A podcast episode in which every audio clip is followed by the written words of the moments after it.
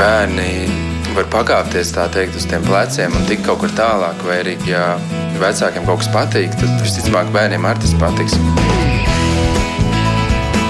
Mēs tiekamies ģimenes studijā.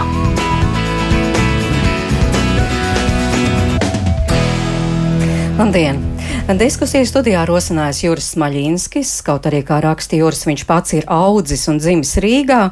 Viņa dēlam iegūt video izglītību kādā no tuvējām Rīgas vidusskolām ir teji neiespējami, jo neatbilst skolu izvirzītajiem kritērijiem.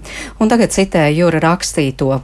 Skolai, kurā mans dēls mācījās līdz desmitajai klasē, viņš vairs nav vajadzīgs. Varbūt pat nav vēlams. Arī skolām, kurām viņš dzīvo blakus un ir kopš dzimšanas deklarēts, nevajag. Šobrīd jūtamies kā izmest uz ielas, bet viņš grib mācīties vidusskolā. Nē, viņš nav nesekmīgs. Arī tām skolām, kas mums ir atsūtījuši atbildi, puika mācībām desmitai klasei neder. Varbūt bojās reitingu vai vismaz neatbilst kritērijiem. Bet man viņš ir jāatbalsta. Tādēļ es gribu uzrakstīt par viņu visas tās labās īpašības un prasmes, kas viņam piemīt, bez vidējās atzīmes. Cipari, kas var ietekmēt visu viņa nākamo dzīvi šeit, Latvijā, bet varbūt arī ne Latvijā. Protams, viņš ir puika, es arī tāds biju. Salīdzinājumā ar viņu bija daudz lielāks palaidnis un negantnieks, un tad Juris rakstā, ka Pauls labprāt muzicē, filmē, fotografē, dodas pārgājienos kopā ar tēti un pazīst visus augus un dzīvniekus, kur mīt Latvijā, un mina vēl daudz labu prasmju un īpašību, kas piemīt Paulam. Un uz šo stāstu atsaucas simtiem Rīgā dzīvojošu vecāku, kuri pēc bērnu pamatskolas beigšanas atskārst, ka viņu bērns ir nederīgs, lai turpinātu mācības vidusskolā. Kad pirms raidījuma sazvanāmies ar Jūriju, situācija tomēr atrisinājusies, un puika tomēr ticis skolā, bet rūkums palicis. Klausāmies! Nu, beigās jau atradās un pat arī salīdzinoši netālu no mājām. Nu, man jau arī citi, kas ir mani paziņas un draugi rakstīja, viņi teica, nu, neuztraucies, paies kaut kāds laiks, gan jau jūlijā, augustā tiks, ja, bet, nu, no otras puses, nu, mēs taču eh, arī nevaram visu vasaru sēdēt un gaidīt, nu, ka mums kāds pazvanīs un te, teiks, oi, ziniet, jūs bērns beidzot ir iestājies, ja mums te atbrīvojās vieta, ja, nu, neviens jau normāls vecāks tādu slodzi nevar izturēt vasaras laikā, ja. Bet uh, stāsts droši vien ir daudz plašāks par, par pašu sistēmu, kā tas notiek, uh, par to, ka uh, vēl joprojām mūsdienās 21. gadsimtā ir jāved papīru uz skolām. Ne uz visām, bet, bet ir skolas, kur tiešām fiziski papīri jāved. Un uh, tad uh, mums pat bija arī gadījums, kad uh, nu, medicīnas izziņa, kas mums arī vēl bija jāiet speciāli pie ārsta izņemt, ja, ka tā medicīnas izziņa vienai mammai nejauši pieāķējās pie viņas dokumentiem un aiznesās viņai uz mājām, bet, nu, gods godam mamma atzvanīja un mēs to medicīnas kārsti dabūjam atpakaļ. Bet stāsti par to, ka, nu, ja mums ir e-veselība izveidot valstī un par to ir samaksāt zinām līdzekļi, nu, kāpēc vēl joprojām vecākiem ir jāskrien vai, vai bērniem uz pie ģimenes ārsta, Un tā veselības uh, U27A, laikam tā forma saucās, un kāpēc, kāpēc viņi fiziski vēl kaut kur jāiet un vēl pēc tam fiziski kaut kur jānes. Otrs, kāpēc vēl joprojām ir atestāti. Mums taču ir E-klase jau daudzus gadus. Mēs, kāpēc vēl fiziski mums viņi ir jānes?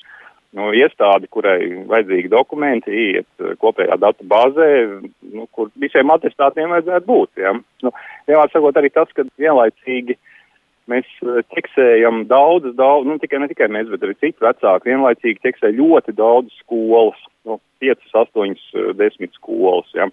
Nu, tur ir tā, tā loterija vai tā kā šahs, eh, kad um, sākumā daudzās skolās netiek, tad iestājās stress, pēc tam, pēc tam izrādās, ka vienā skolā tomēr tiek tad ir jājož tie dokumenti atkal iesniegt. Ja.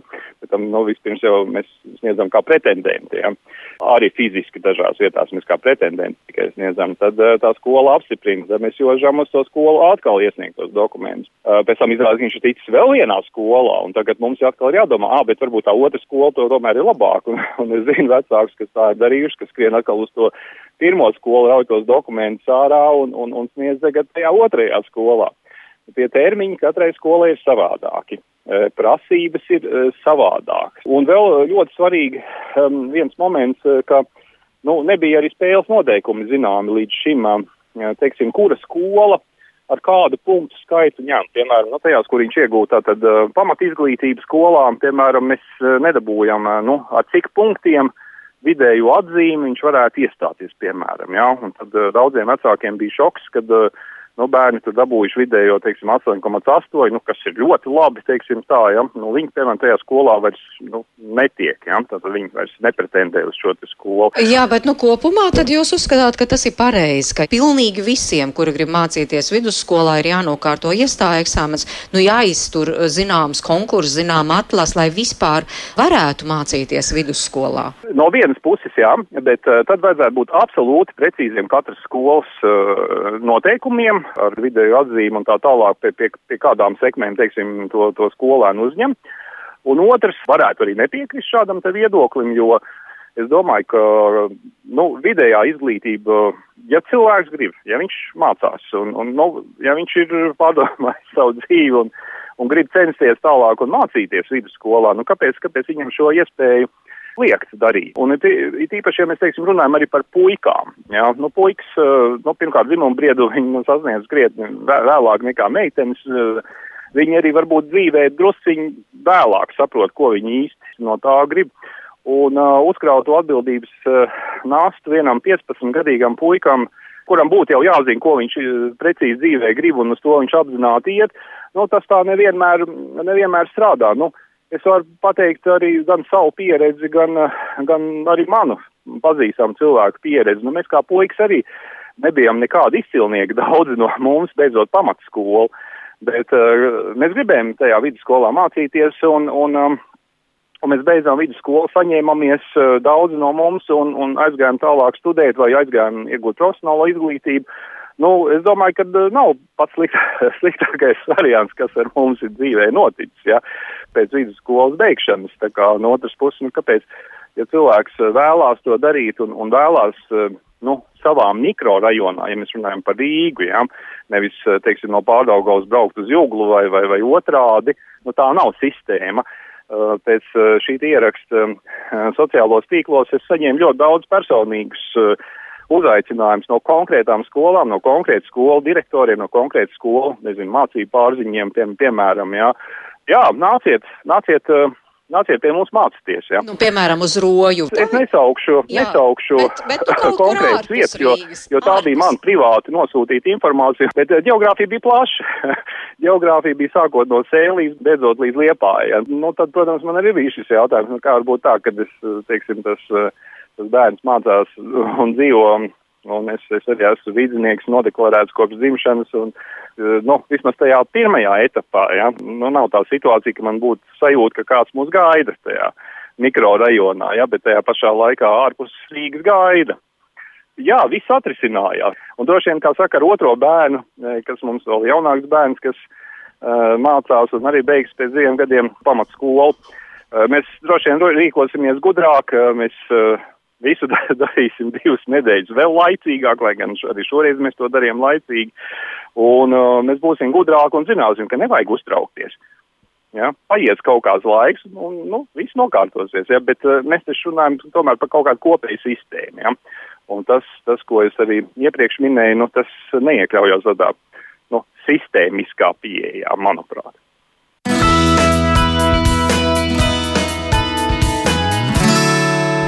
Es atgādināšu klausītājiem, tas nav tikai vienas ģimenes stāsts, bet ieraksts savā Facebook profilā Juris Maļinskis visiem izlasām un arī privāti saņēma simtiem galvaspilsētā dzīvojošu ģimeņu stāstu, kuru vadmotīvs bija Mēs tevi saprotam, jo esam paši to pārdzīvojuši, kad mūsu bērni beidz pamatskolu Rīgā. Kā ir šobrīd un ko nākamgad var darīt citādi, tūlīt es mērķis noteņu jautāšu studijas viesiem Rīgas Angļu ģimnāzijas direktorei Mājai Kokarei. Labdien, Labdien. studijā! Labdien arī Rīgas 64. vidusskolas direktoram Ernestam Sviklim. Labdien! Un arī dzen Rīgas domas izglītības, kultūras un sporta departamenta izglītības pārvaldes galvenai speciālistei un ekspertei Zanei Doniņai. Labdien! Labdien, Zanei! Vēršos uzreiz pie jums. Varbūt tāda atgādiniet, kāda tad īsti šogad bija tā kārtība, lai tiešām bērns, kurš Rīgā mācījies līdz 9. klasei, tiktu vidusskolā. Mm -hmm. Jā, varbūt vispirms nedaudz atskatīsimies tādā trīs gadu vēsturē, kad attiecīgi jau pašvaldība kā dibinātājs jau domāja par tādām strateģiskām lietām kā izglītības kvalitāte, izglītības pakalpojuma pieejamība, ņemot vērā arī valstī noteiktās inovācijas, izglītības paradigmu maiņas. Attiecīgi tātad jau licencējām vispārējās vidējās izglītības programmas, izvēloties dažādus izglītības virzienus, vai inženierzinātnes, humanitārās zinātnes, medicīnu. Tātad līdz ar to arī skolām bija jādomā par savu izglītību, vidējās izglītības piedāvājumu. Līdz ar to skolēniem piedāvājot visplašākās iespējas pēc 9. klases mācīties vidusskolā, domāt par savu karjeru, par savu nākotnes nodomiem. Un jau pirms trim gadiem pašvaldība saskārās ar situāciju, ka skolām atbilstoši normatīvo aktu prasībām ir iespēja rīkot iestāju pārbaudījumus uzņemšanai desmitajā klasē. Un mēs saskārāmies ar situāciju, ka katra skola noteiktā laikā rīkoja savu iestāju pārbaudījumu. Līdz ar to es kā skolēns, ja gribēju iestāties teiksim, Rīgas Angļu gimnājā, man bija vienā dienā iestāju pārbaudījums. Ja es gribēju iestāties Rīgas centra humanitārā vidusskolā, man bija citā dienā iestāju pārbaudījums. Līdz ar to man kā skolēnam bija, ja es vēlējos piedalīties konkursā uzņemšanai desmitajā klasē vairākās skolās, man bija jākārto pēc savas izvēles pieci, seši iestāju pārbaudījumi. Un mūsu uzdevums bija uh, skolēni interesēs šo procesu atslogot, ka Rīgas pilsētā vienā dienā vidējām izglītības iestādēm tiek organizēts vienots iestāju pārbaudījums. Lai skolēnam vienreiz piedalītos, viņš varētu ar šo rezultātu piedalīties izglītības iestādē uzņemšanai desmitajā klasē. Kāds iestāja pārbaudījums? Mums bija tā, ka pirms trim gadiem, 20. gadā, bija apvienotais iestāja pārbaudījums svešvalodā un angļu valodā, kur piedalījās 25 vidusskolas. Savukārt sešām valsts gimnājām bija atsevišķs pārbaudījums matemātikā. Un tajā Bet gadā šogad? Es izstāstīšu jau līdz galam.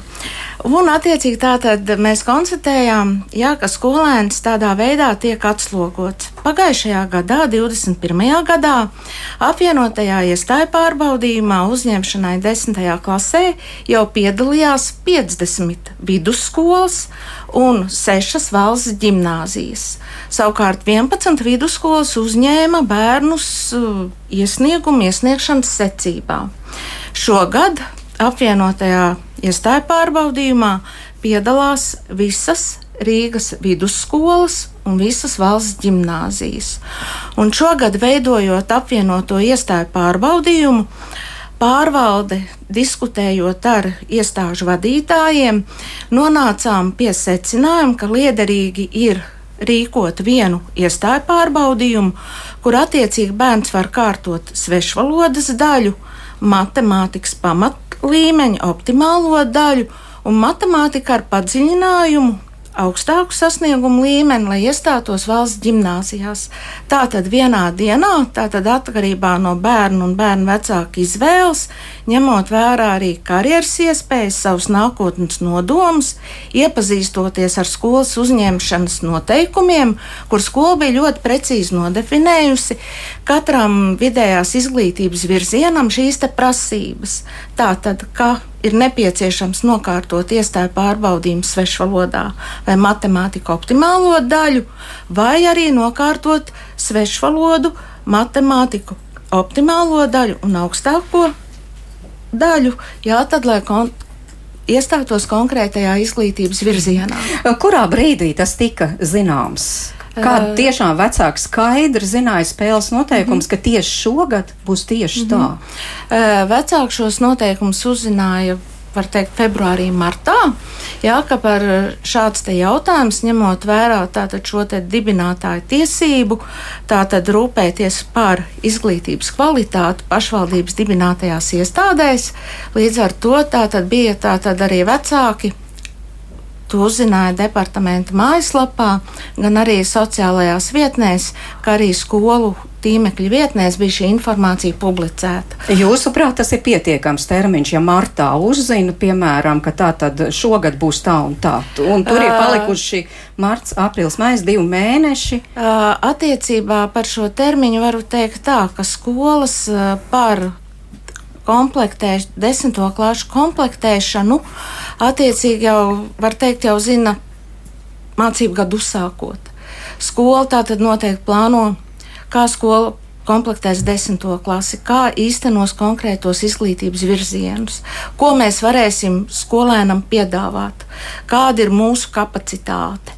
Un attiecīgi par šo jau ir ļoti svarīgi, ka skolās runā jau attiecīgi pamatizglītību uzsākot, tīpaši 9. klasē, kur skolēnam tomēr ir jāmēģina apjaust, kas ir šī nākotnes viņa izaicinājuma, ko es gribu darīt, ko es gribu savā dzīvē sasniegt, un kā konkrētā skola ar konkrēto izglītības piedāvājumu man var iedot šo atbalstu. Mm -hmm. Jā, Rīgas Angļu ģimnāzija tas nozīmē, ka tātad vecākiem, kuri, kuru bērni uzsāka 9. klasi, pirms gada, gandrīz septembrī, bija jau pilnīgi skaidrs spēles noteikumi, kas viņus sagaida mācību gada beigās. Uh, nu, Tieši tā es to nevarētu noformulēt, jo spēles noteikumi uzsākot mācību gadu mums visiem bija neskaidri. Un tas nebija mūsu izvēles vai departamenta izvēles. Bija Covid situācija un ļoti nozīmīgi ierobežojumi, un mēs nevarējām zināt vispār, vai jebkāda eksāmena būs iespējama. Atceramies pagājušo eh, iepriekšējo mācību gadu. Līdz ar to eh, šeit eh, droši vien būtu nekorekti meklēt kādu vainīgo par termiņu neievērošanu un droši droši vien tas uh, būtu bijis brīnišķīgi, ja kāds uh, augstākais spēks mums būtu varējis pateikt, kā, kādas iespējas būs un kas būs iespējams. Bet tomēr, tad, kad runa ir par februāri, martu, kad pamazām šī, šie pandēmijas ierobežojumi nu, mazinājās, pat mazinājās ierobežojumi, pati pandēmija nemaz tik ļoti nemazinājās. Ja?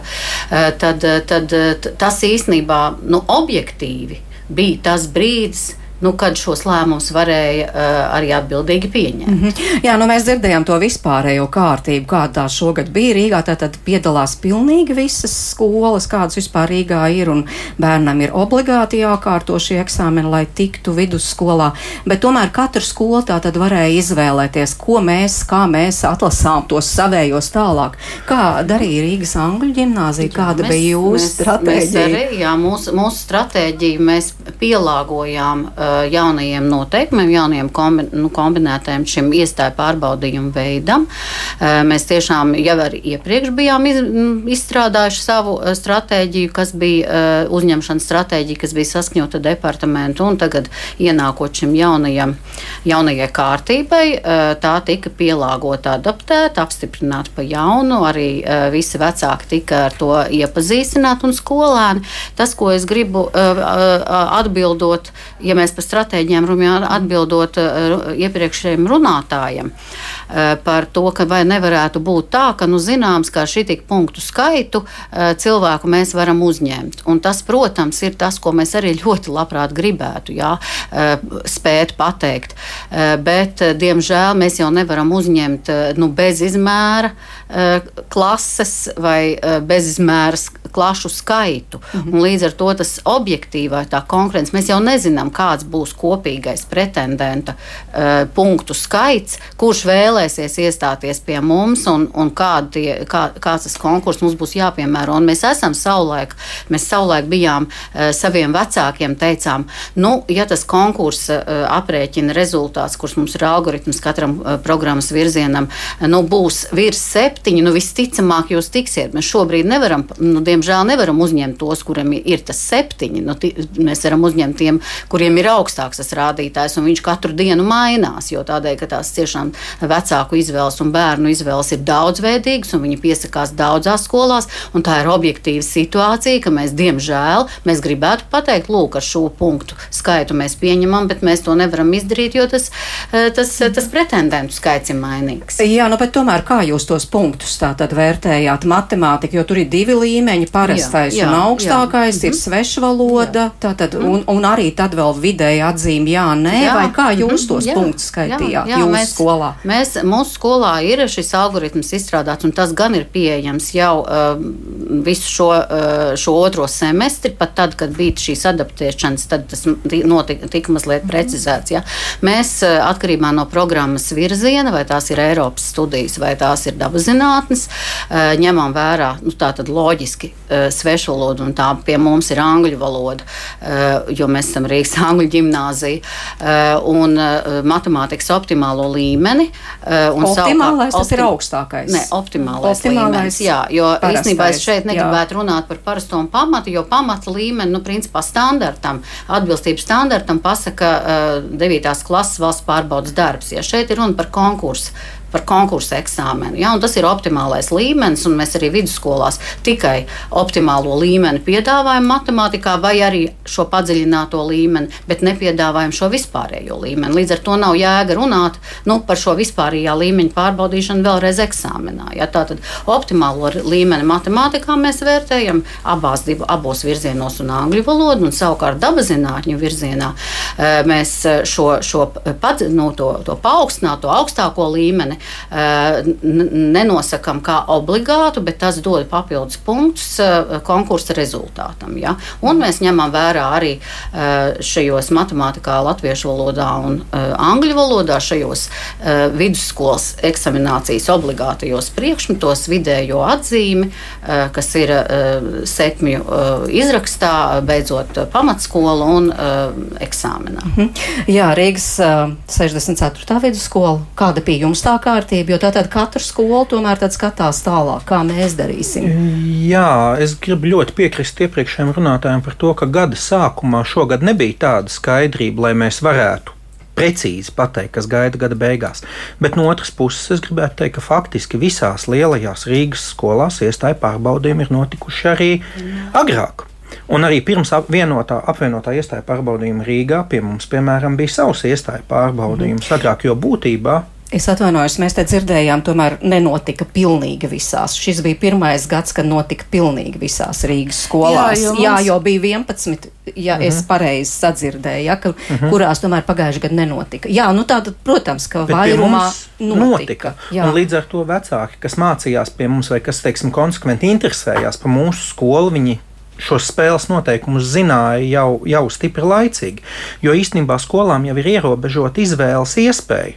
Mēs varam uzņemt vainu iesniegumu secībā, kas nozīmē, ka vecāki var diennaktīm stāvēt un gaidīt uzņemšanu brīdi, kad mēs sākam uzņemšanu un gaidīt dzīvajā rindā, vai ar iestāju pārbaudījumu.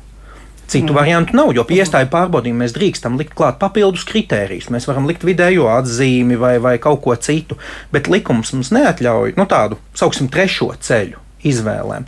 Un tāpēc uh, virkni Rīgas skolu vēl pirms pat uh, pirmā apvienotā iestāja pārbaudījuma gada. Nu, mūsu skolas gadījumā es negribu samalot, šobrīd septiņus gadus mums ir iestāja pārbaudījums vispār savs. Tas nozīmē, ka likums jums neatļauj šo trešo ceļu, ko, piemēram, uzņemt, ņemot vērā skolēnu vidējo atzīmi un arī šos eksāmenu, gala eksāmenu atzīmi faktiski. Bez iestāja pārbaudījuma nē. Ja mainītos uh, likumdošana un, piemēram, tiktu noteikti šāda kārta, kārtību, tad tāda skolai arī būtu izvēle. Bet šobrīd ir vainu. Vainu. Jo tas, ka mēs varam pievienot vai nepievienot pie šī iestāja pārbaudījuma, eksāmenu rezultātus, vidējās atzīmes, tā jau ir katras skolas nu, izvēle. Uh, Bet uh, fakts, ka mums nav šī brīva trešā ceļa, nu, tas, tas, tas tā ir. Jā, vai šobrīd jau ir skaidrs? Tātad viss saraksts ir jūsu skolā noformēts un uh, visiem vecākiem ierīgas sirds. Tātad zinu, jā, mans bērns mācīsies Rīgas 64. Uh, jā, saraksti šobrīd ir noslēgti. Protams, nav izslēgts, ka pavasarī notiks kaut kāda kustība, Jo bērni un nu, vecāki mēdz pārdomāt to, ko teica pirmais runātājs. Tā ir absolūta taisnība. Un no vecāku skatu punkta tas izskatās vienā veidā. Tas izskatās tā, ka manam bērnam ir papildus iespēja, es varu doties un rast jaunas risinājumus. No skolas viedokļa tas izskatās pēc kustības jau pabeigtos sarakstos, un īstenībā skolai tas ir izaicinoši. Līdz ar to nav izslēgts, ka augustā, kad ir paredzēts Rīgas pilsētā papildu termiņš uzņemšanai, ja mums būs brīvas vietas, mēs nu, noteikti piedalīsimies šajā konkursā, bet šobrīd saraksti ir noslēgti. Vecāki, kur, bērni, kurus uzņēmām, viņa ģimenes par to ir informēti, un attiecīgi arī tie, kas netika uzņemti, ir informēti par to, ka mhm. situācija šobrīd ir šāda. Rīgas Angļu ģimnāzija. Jā, nu mums, mums saraksti ir noslēgti par 95%, jo nemitīgi notiek šīs izmaiņas, jo uh, riktēšanās pa skolām notiek vēl ar vienu. Uh, līdz ar to mēs uh, ikdienas publicējam atbrīvoto vietu skaitu un nākošos rindā, kas šobrīd joprojām ir vairāk nekā simts skolēni, kas gaida uz to, ka atbrīvosies kāda vieta. Ja, līdz ar to viņi, protams, liela daļa ir neziņā, un es viņiem viņus arī saku, cik tālu viņi tajā gaidīšanas rindā ir. Mēs domājam, ka rīt vai vēlākais pirmdien visi dokumenti būs uz vietas, un, un, un, un šī kustība tiešām varētu būt kaut kāda īpašos gadījumos. Bet te uzreiz pieskaroties tam, tam stāstam par tām medicīnas kartēm un par vienoto sistēmu, šobrīd vienīgais karodziņš, ar kuru es varu pateikt, ka jā, es mācīšos šajā skolā, ir, lai cik tas smieklīgi arī nebūtu, vienīgais oriģinālais dokuments, kas nonāk skolā, ir medicīnas izziņa, un tā nav no ģimenes ārsta iegūstamā. Tas ir tas karodziņš, kas varētu arī nebūt medicīnas karte, bet varētu būt jebkurš cits žetons, kas pasaka, ka jā, es tiešām šajā skolā mācīšos. Jo eh, šobrīd ir eh, tas, tas, tā, tā tipiskā situācija, ir, ka, ka, ka mēs kā skola faktiski nevaram zināt par savu uzņemto skolēnu sastāvu. Uh, Kamēr viņš, diemžēl, šo karauda, karodziņu medicīnas karti, vienīgais dokuments, kas ir oriģināls, nav atgādājis uz skolu, un tas ir diezgan smieklīgi. Eh, bet tas ir fakts, jo eh, mēs, piemēram, esam eh, arī savā uzņemšanas iesniegumā, ne, bet uzņemšanas piete, pieteikumu formā iekļāvuši jautājumu, vai Rīgas Angļu gimnāzija ir prioritāte. Un ticiet vai nē, tad apmēram 50% no tiem, kuri ir teikuši, ka jā, ir prioritāte, nu, tad es esmu rēķinājusies, kad viņi tā tad nonāks mūsu skolā, eh, ka viņi tomēr pēc tam izmanto citas iespējas. Ja? Mhm. Un līdz ar to tas, ka eh, ģimene saka, jā, es šeit mācīšos, īstenībā nu, neko nenozīmē. Nozīmē tā medicīnas kārta. Jā, jā tūlīt. Jā. Ja drīkst, Jā. pie šī paša es gribētu piebilst, ka tā arī ir droši vien tā lielā problēma, kas uh, rada šo stresu pašos vecākos lielā mērā. Jo, uh, kā jau minētais runātājs teica, vecāki atķeksē 5, 8, 10 skolas. Un tas nozīmē, ka 5, 8, 10 skolās, ja bērns ir ar labu rezultātu iestāja pārbaudījumā, viņš ir pirmajā rind, pirmajās rindās uzņemšanai. Un tikai tajā brīdī, kad šis bērns izdomās, uz kuru skolu viņš tieši ies un beigās aizies un apstiprinās šajā skolā, labākajā scenārijā, ja vecāki paziņo šīm citām skolām, ka mēs pie jums nenāksim un mēs eh, drīkstam piedāvāt nākamajam, bet ir gadījumi, kad vecāki, pietiekami daudz gadījumu, ka vecāki nepaziņo, un mēs tikai apzvanot jau pēc šīm noteiktajām trim dienām konstatējam, ka nenāks. Tas nozīmē, ka šis viens bērns realitātē aizņem astoņas vietas dažādās Rīgas uh, skolās. Līdz ar to tāpēc šis sākuma brīdis, un kā arī vecāks, manuprāt, beigās pareizi teica, nākamreiz mēs tik ļoti neuztrauksimies. Tas sākuma brīdis ir stresains, jo uh, ir, tā kustība ir daudz lēnāka nekā varētu būt. Rīgas doma dzīvojam taču 21. gadsimtā, tātad elektroniski šo sistēmu nevar sakārtot. E, pašreiz ir tā, ka, protams, e, mēs piedāvājām skolām šo te algoritmu, nosakot konkrēts datums, līdz kurām ir jāveic konkrēts darbības. Un, attiecīgi, arī šī informācija tika publicēta mūsu mājaslapā, kas bija arī pieejama. Un, attiecīgi, tā tad reģistrēties varēja elektroniski e, skolu tīmekļa vietnēs, un arī vecāku dokumentus var iesniegt uh, atbilstoši iesniegumu likumam, kas paredz ar elektronisku drošu parakstu. Bet, Teiksim, tas, ka ir jānes reku medicīnas karte, attiecīgi, attiecīgi jānes. medicīniskā karte, to nosaka droši vien citi normatīvie dokumenti, kādā veidā skola, teiksim, ka es kā persona savu medicīnisko kartu varu nogādāt iestādē. Tātad Jā. diploms nav jānes, bet, nu, neko mēs dzirdējām, es... Juris Smaļinskis stāstīja, ka ar diploms jānes, citas skolas teica, vēl Jā. kā fotografija ir jānes mm -hmm. un vēl kaut kas ir jānes, katra skola izdomās savu protams, variantu. ir tā, ka šobrīd tiek pilnīgota valsts izglītības informācijas sistēma, kur attiecīgi visi vērtējumi, informācija par bērnu būs ievadīta šajā sistēmā, un līdz ar tā, to skolām tā būs ļoti efektīva un ātrāk piekļu, piekļūstam informācijai par bērnu. Un droši vien arī nākotnē arī apliecības par pamatizglītību, vidējo izglītību būs elektroniski kā elektroniski dokumenti. Līdz ar to tā aprit būs noteikti daudz, daudz efektīvāka un ātrāka. Par cik tālu nākotni jūs runājat? Es domāju, tā varētu būt. Nu, divu, trīs gadu nākotne. Bet es atgriežos pie tā, kas te izskanēja. Tā, tā, tā riktēšanās starp tām Rīgas skolām notiek, un kā stāsta Rīgas valsts trešās gimnāzijas direktors Andris Priekuls, notiks vēl vismaz līdz augustam. Tāda vismaz ir viņa pieredze. Klausāmies! Katra skola noteica, kas ir tie kriteriji, ko viņi vērtēs. Ja? Un dabīgi, kad uh, Rīgas valsts trešā gimnāzija izvēlējās matemātiku optimālo un matemātiku paaugstināto, jo mēs nekad citus iestāju pārbaudījumus neesam veidojuši, tikai matemātikas. Ja? Visas valsts gimnāzijas ņēma matemātiku optimālo līmeni un paaugstināto. Nu, Vācu gimnāzija ņēma vēl angļu valodu vai vācu valodu. Viņiem arī, cik es sapratu, daļa bērnu, nu, pirmā svešu valoda ir vācu valoda. Ņēma vērā arī vidējo atzīmi. Nē, Vidējo atzīmi neņem. Vienīgā lieta, kas ir eh, jākonstatē un ņem vērā, nedrīkst būt ne zemāk kā 5 latviešu valodā gadu vērtējums. Tāpēc, kad eh, atlasot konkrēti, nu, kā mēs sakām, izveidojot reālo sarakstu, tur problēmas ir. Nu, kaut vai šodien Šodien man vēl trīs skolnieki izņēma dokumentus, jo ir kāda kaimiņu skola, nu, viņus uzaicinājusi. Viņiem ir šķidri saraksti. Viņi izrauj ārā. Nu, nu, tā tas ir, kad viņi ir reģistrējušās daudzās skolās, droši vien, ka viņiem ir katram kāds rangs, nu, pieņemsim, tur Pirmā skola tā, otrā būs tā, trešā izvēle tāda. Nu, tad, tad ir vecāku lēmums ar, ar bērniem, un, un nu, mēs respektējam šo lēmumu. Ja. Ko es tagad darīšu pēc šo trīs bērnu izņemšanas ārā? Nu, es šobrīd nedarīšu neko, bet es apskatīšos augustā un es uzrakstīšu nākamajam vēstuli vai viņi negrib. Jo jūlijā nu, nekas nenotiek īsti, un skolas ir cietas, un, un kas notiek, nu, lai kādā citā skolā ņems ārā dokumentus. Nu, es arī droši vien tās trīs vietas aizpildīšu. Ja? Mm.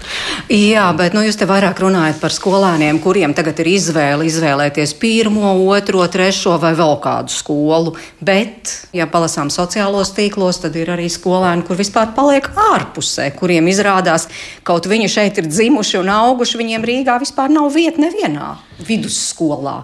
Vai tā vispār varētu būt? Jā, šīs bija problēmas, kur man rakstīja daudz vēstules vecāki. Viņi sūta punktus kopā, ņem angļu valodu, matemātiku viens un matemātiku divi. Es saku, nē, nē, mums ir tikai matemātika. Un tad izrādās, ka tie matemātikas punkti ir ļoti zemi. Nu jā, ja mēs būtu runājuši ar vecākiem, es jau būtu gadu iepriekš, gan nu, nu, pusgadu iepriekš. Viņi zinājuši, ka ir matemātika, no kā mēs atlasām, tā ir matemātika. Un otrs aspekts ir tāds, ka paliek ārpus sarakstiem, kam ir latviešu valodā četri. Man arī viens tāds bērns bija, kam nebija pieci gadi. Kāpēc mēs tādā veidā rīkojamies? Jo, ziniet, pēc 24. februāra viss mainījās tā pasaules kārtība. Dabīgi, ja? Un es saprotu, tīri politiski Pilnīgi, un es arī atbalstu lielā mērā, bet jebkurai normatīvai normai būtu jābūt zināmai uzsākot mācību gadu. Nu, tas ir vairāk par tām ģimenēm, kurās droši vien tā ikdienas saruna valoda ir krievu valoda. Bet nu, jūs uzskatāt, ka tas ir pareizi, ka nu, vismaz Rīgas vidusskolā tev ir jāpierāda, ka tu esi spējīgs mācīties. Nu, konkurss viņš ir. Bez šaubām, kas vēlās. Nu, mums arī nu, tie pieteikušais skaits ir 5 uz vienu vietu. Bet nu, tur daudziem bija otrā izvēle, vai nu, saka, varbūt arī trešā izvēle kādam. Reāls konkurss varētu būt nu, 3, 3,5 uz vienu vietu. Es domāju, ka skola nedrīkst justies vainīgi tā lietai. Nu, kāpēc nāk pie mums? Tas nozīmē, nu, ka, ka kaut kāda sabiedrībā ir signāli, ka te zināmā mērā ir tās lietas, ne, ko ģimene gaida. Nu, arī bērns gaida. Mēs par to priecājamies. No otra viedokļa mēs būtu gatavi paņemt nu, gandrīz vai visus. Nu, varētu teikt, tā. Ja viņi ir motivēti, tad tur var strādāt. Bet nu, mums fiziski pietrūkst vietas. Mēs labprāt paņemtu blakus skolu, kur varbūt šobrīd nu, nosacīti nepiesakās neviens, ja ļoti maz piesakās. Bet man tā otrā lieta, dabīgi, vai es spēju uzreiz nodrošināt kvalitatīvus skolotājus, kas spēj izturēt to līmeni un strādāt ar nu, virsoptimālā līmeņa bērniem. Tā ir ļoti liela specifika. ar gudriem bērniem strādāt. Jūs saprotat, viens otrs mūs lamā par elitārām, bet ar gudriem bērniem, kurš stundā uzdod 3-4 jautājumus skolē un pēc būtības. Ir daudz grūtāk strādāt bieži vien kā viduvēju skolnieku, kuram nav jautājumu. Eh, tāpēc eh, es teikšu, es labprāt, un tad mēs kopēji pilsētā sabiedrībā iegūtu bērnus, kas ir izgājuši cauri vairāk līdzīgi pirmai gimnājai vai, ne, vai kādai citai eh, sabiedrībai, izgājuši cauri kvalitatīvākai izglītībai, mēs sabiedrību iegūtu. Slikts stāsts, kad mēs neiegūstam vidējo izglītību, tas ir slikts stāsts manā izpratnē. Jo tas bērns vēl 16 gadu vecumā, jūs saprotat, viņš vēl ir. Nu, nu, īsti nekāds, bet nu, kaut kādā mirklī tomēr pameklēt tādu jau specializācijas priekšmets, viens, divs, trīs, kas viņiem ir citādāk, kur viņš veido izvēli, viņš meklē sevi, uz kuru pusi. Nu, es domāju, ka to, to varētu darīt. Tad, tad, tad, kad veidojās šis viss, es biju tas, ka plus vienu gadu vajag noteikti vispārējo video izglītību pēc viena gada programmas. Jā.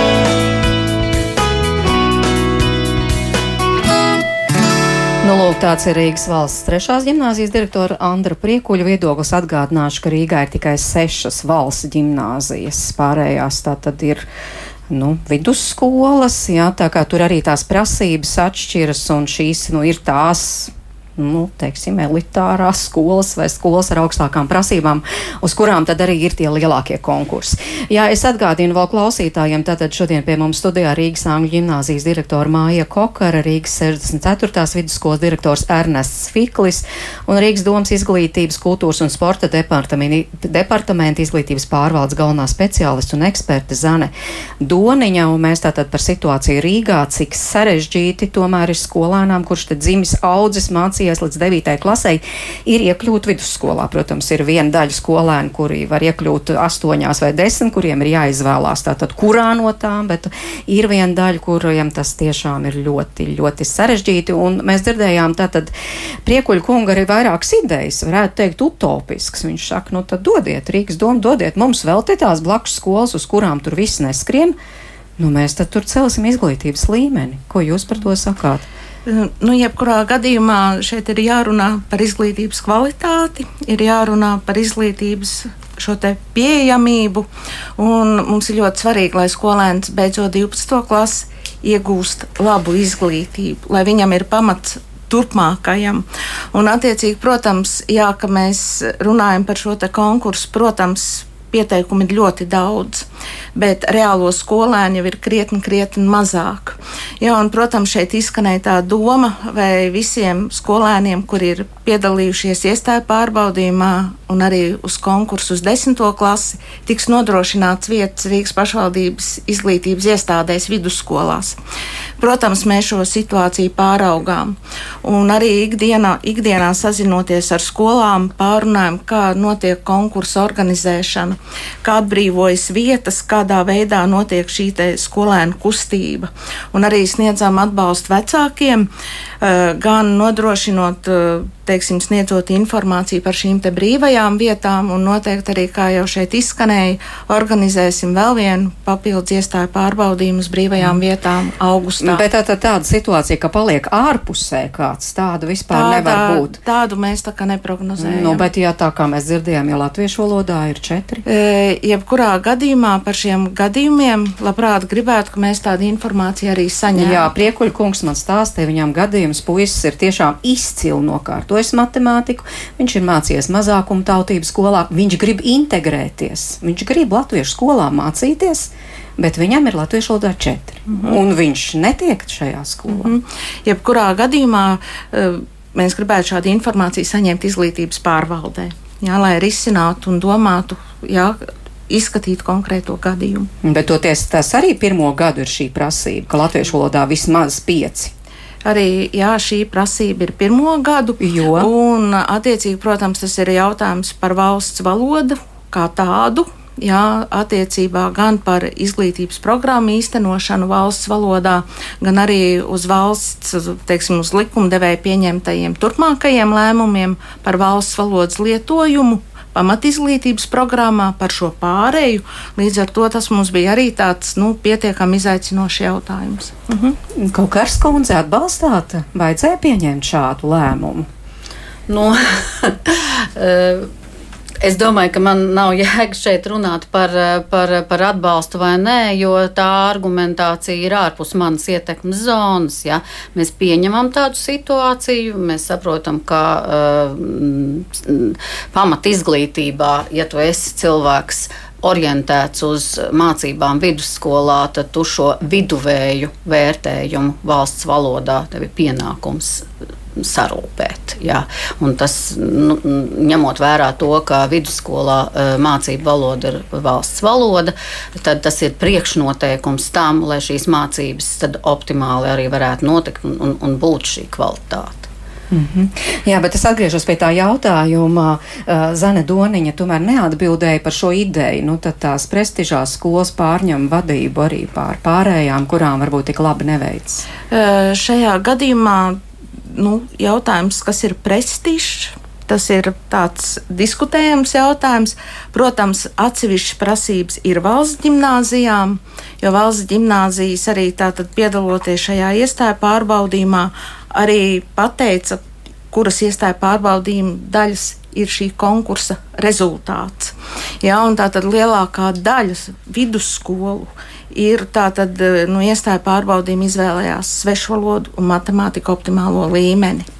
Jā, līdz ar to tātad eh, šeit nav runa par to, kā tātad eh, šie iestāju pārbaudījumi kādā veidā. Nu, pārklātos. Nav jautājums par iestāju pārbaudījumiem, mm. ir jautājums par to izglītību, kādu skolēns pabeidz beidzot vidusskolu. Par to ir jautājums jāsaka. Ja es drīkstu mazu komentāru pie Jā. šī, es domāju, ka ne tikai gimnāzijas virkne no Rīgas skolām varētu pateikt, ka, ja jūs mums iedosiet blakus vēl divas mājas, mēs nokomplektēsim, jo bērni nāk. Tāpēc, ka man grūti pateikt, kā ir citās skolās, pie mums arī rupi rēķinot, bija iesniegumi pret uzņemamo vietu skaitu, bija viens pret, respektīvi, pieci pret vienu. Tas nozīmē, mēs arī varētu teikt, ka nu, mēs varētu uzņemt vairāk. Bet ir, nu, manuprāt, vairākas lietas. Viens tomēr ir jūsu pašas minētais par šo izkārtojumu pilsētā, ka, manuprāt, ir jābūt iespējām arī pilsētas, tā, mikrorajonos būt skolām un pastāvēt un koncentrēt visu, visu centrā, teiksim, nezinu, cik tas ir liederīgi. Un otrs, ka tad, kad notiek šī svārstība pēc tam pa skolām, tas, ka mēs pirmajā brīdī varam pateikt, ka, lūk, nezinu, mēs varam atvērt četras, piecas klases. Ļoti bieži, ka pēc mēneša mēs tā, vairs to objektīvi nevaram izdarīt, jo ir notikusi šī kustība. Uh, Tas, tas ir viens, ko es gribēju piebilst pie šī. Es, absolūti neesmu pretinieks lielām skolām. Domāju, ka, ja ir izglītības kvalitāte, viss ir kārtībā, tad skolām var būt ļoti liels komplektu skaits, bet jautājums ir par efektivitāti, par lietderību. Un otrs, es nedaudz gribēju pakomentēt par pieminēto piecinieku minimālu vērtējumu latviešu valodā. Uh, es piekritīšu Kokaras kundzei par to, ka nav manā kompetencē spriest, cik pareizi, bet uh, katrā ziņā man ir skaidra motivācija, kāpēc vispār šis jautājums tiek cilāts. Jo likums nosaka, ka nedrīkst būt iestāju pārbaudījums tur, kur ir centralizētais eksāmens, centralizēta labotais. Un mazākuma tautību izglītības programmā bērniem ir iespēja kārtot centralizētu eksāmenu latviešu valodā. Tas nozīmē, ka ja mēs uh, gribam skolās uzņemt arī mazākuma tautību šos programmas, beigušus audzēkņus, um, lai viņus nediskriminētu, mums nav nekāda iespēja rīkot iestāju pārbaudījumu latviešu valodā. Jo visādi citādi es domāju, ka noteikti būtu Rīgā iestāju pārbaudījums matemātikā, latviešu valodā un svešu valodā. Mhm. Tā kā motivācija ir ar to saistīta. Jā, nu mums ir vēl viens ieraksts. Divu bērnu māma Kristīna Maslovska. Viņas dēls šogad arī beidz pamatskolu tikai Rojas vidusskolā, nevis kādā no uh, Rīgas skolām. Un viņa arī iesaistījās šajā Jūras Maļinska, ko mēs raidījuma sākumā dzirdējām, rosinātajā diskusijā. Un tad viņa teica, aicināja Jūra dēlu, lūdzu, brauciet pie mums uz Roju. Mums ir lieliska skola, mums te arī kopmītnes. Uh, klausāmies viņas stāstu, kā tad viņa redz sava dēla tālāk tālāko ceļu? Kā mēs zinām, ir jaunais izglītības standarts, eh, kas paredz, ka katra vidusskola piedāvā specifiskus izvēļu grozus, kuros katrs jaunietis var apgūt tieši tos priekšmetus, kas viņus interesē un viņiem tieši dzīvē vislabāk noderētu. Bet, nu jā, šī izvēle ir varbūt vienkārši uz papīra, bet nu, dzīvē ir jāsāk skatīties, kas ko var piedāvāt. Mēs sākumā skatījāmies arī Rīgas virzienā, bet nu, tur mūs ātri apturēja fakts, ka Rīgas skolas šogad izvēlējās taisīt iestāju eksāmenus pilnīgi visās vidusskolas programmās. Tostarp šie iestāju eksāmeni bija ielikti pa vidu, ja nemaldos, starp angļu valodas un vēstures eksāmenu Nu, kas man likās nu, pilnīgi nesamērīga slodze, eh, jo īpaši, ja nav līdz galam skaidrs, ko tieši jaunietis vēlās. Un man jāsaka, godīgi, man kā mammai arī ļoti netapa skaidrs, eh, skatoties mājaslapās, no ar ko tieši viena vidusskolas programma atšķirās no citas, jo tie skaistie vārdi bija ļoti līdzīgi, nosaukumi arī, bet tikai dziļāk uh, pētot un runājoties ar nozares speciālistiem, es sapratu, ka Tās atšķirības ir stundu skaitā, priekšmetu daudzumā. Nu, jā, tas nav vienkārši uzdevums ne bērnam, ne, ne viņa vecākam. Nu, tomēr ir jābūt ļoti skaidrēm redzējumam, ka, ja es dotos, piemēram, uz Rīgas Tehniskās Universitātes uh, vidusskolu, uh, ar mērķi, ka es gribu studēt kaut ko pavisam konkrētu, un man ir jau sasniegumi šajā jomā. Tas viens iemesls, bet, teiksim, ja mūsu izvēle ir uh, vairāk balstīta nu, tieši, ka ir intereses, tas, kas ir manam bērnam, ka piedāvājums ir arī tuvāk mājām. Uh, es joprojām uzskatu, ka vislabākā skola būtu tā, kas ir vistuvāk mājām. Ne tikai pirmā klasē, bet arī nu, līdz vismaz 15 gadu vecumam. Uh, man jāsaka tā, ka es pirms gadiem, pieciem, desmit, varbūt domāju, ka, ka Rīgas skolas ir jaudīgākas. Uh, es šobrīd domāju, ka uh, visā Latvijā ir uh, spēcīgas skolas, Uh, un to mēs redzam gan no tā, ka olimpiādēs piedalās un iegūst labas vietas bērni no dažādām Latvijas skolām, gan arī to, ka dzīvē sasniegumus gūst uh, cilvēki, kas ir mācījušies uh, ne Rīgas skolās. Uh, tā kā es domāju, ka, tiksim, ka viss labums ir koncentrēts tikai galvaspilsētā. Uh, un, un otra lieta ir uh, pedagoģa trūkums. Uh, un pedagoģi trūkst gan Rīgas skolās, gan uh, Latvijas pilsētas skolās. Un tā kā tiksim, es arī Facebookā sekoju līdzi dažādām interešu grupām, kas attiecas tieši uz skolām, un kad es paskatos, cik daudz arī tās pašas Rīgas skolas meklē pedagogus, tad man jāsaka, ka piekrastē tad man ir gandrīz vai labāka situācija. Ar to, ka stundas notiek uh, visu laiku, uh, un skolotāji tiek atrasti. Bet kā jūs vērtējat? Nu, tam tā būtu jābūt, ka, lai vispār iekļūtu šajā vidusskolas posmā, ka tomēr ir jāiztur vēl papildus pārbaudījumu. Es esmu simtprocentīgi pārliecināta, ka mums ir jāmāca jau no skolas sistēmas uzticēties.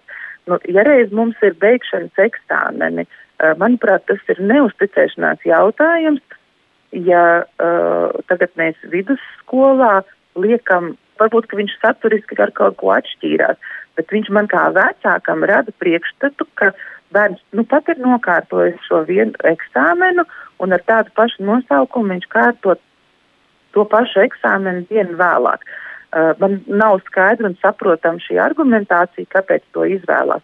Uh, es varētu saprast, ka ir skolas, kas piedāvā kaut kādus specifiskas programmas, kur ir vajadzīgas priekšzināšanas augstākā mērā un vairāk nekā to vidējā vidusskolas programma piedāvā.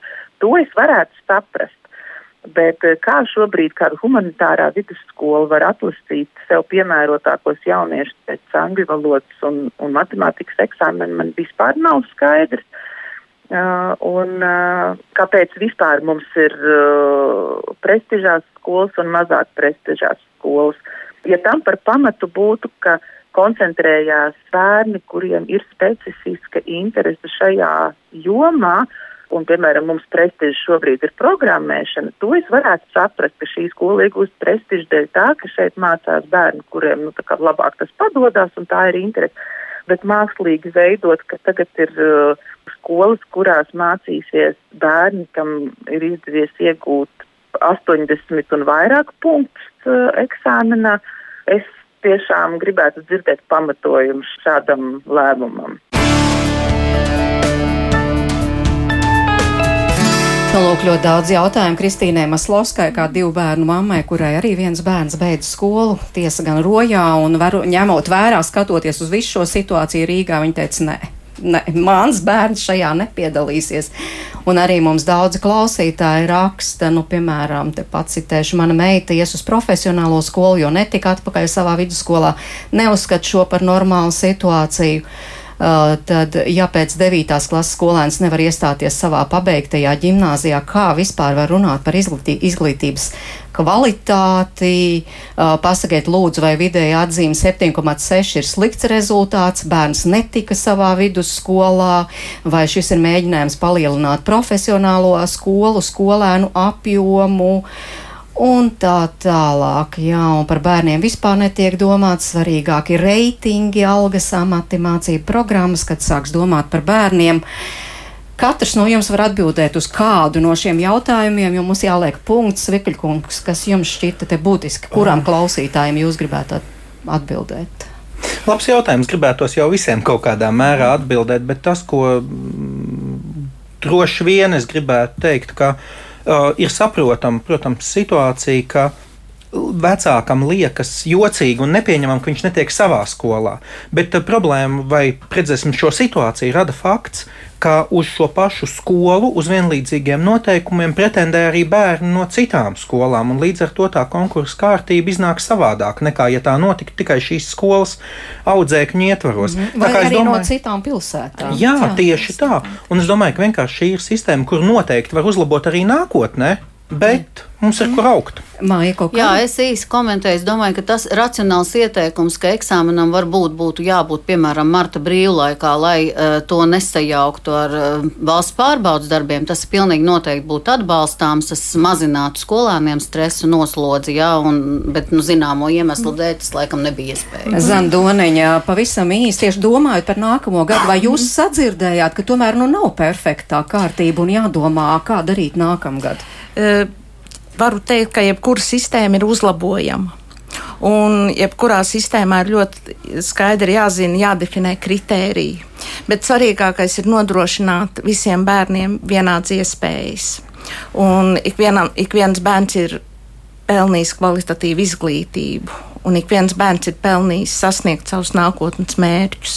Un šeit ir ikvienam ir jādomā gan izglītības iestādes direktoram, gan par izglītības piedāvājumu, gan par pedagoģu resursu, kā kopīgi visiem sadarbojoties ar bērniem un vecākiem sasniegt labākos rezultātus. Mhm. Vai tā kārtība, iestāšanās kārtība, tad ir jāmaina vai nav jāmaina nākamgad? Vai paliks līdzinējā? Jebkurā gadījumā arī šī kārtība šis gads ir izvērtējama iespējams, kādi ir ieguvumi, kas ir nepieciešams uzlabot, un jau savlaicīgi sāk diskutēt par nākamo mācību gadu. Paldies, saku mūsu studijas viesiem Mājai Kokarei, Ernestam Sviklim un Zanai Doniņai. Paldies, ka iesaistījāties mūsu sarunā un piedodiet, ka nevarējām atbildēt uz jūsu jautājumiem.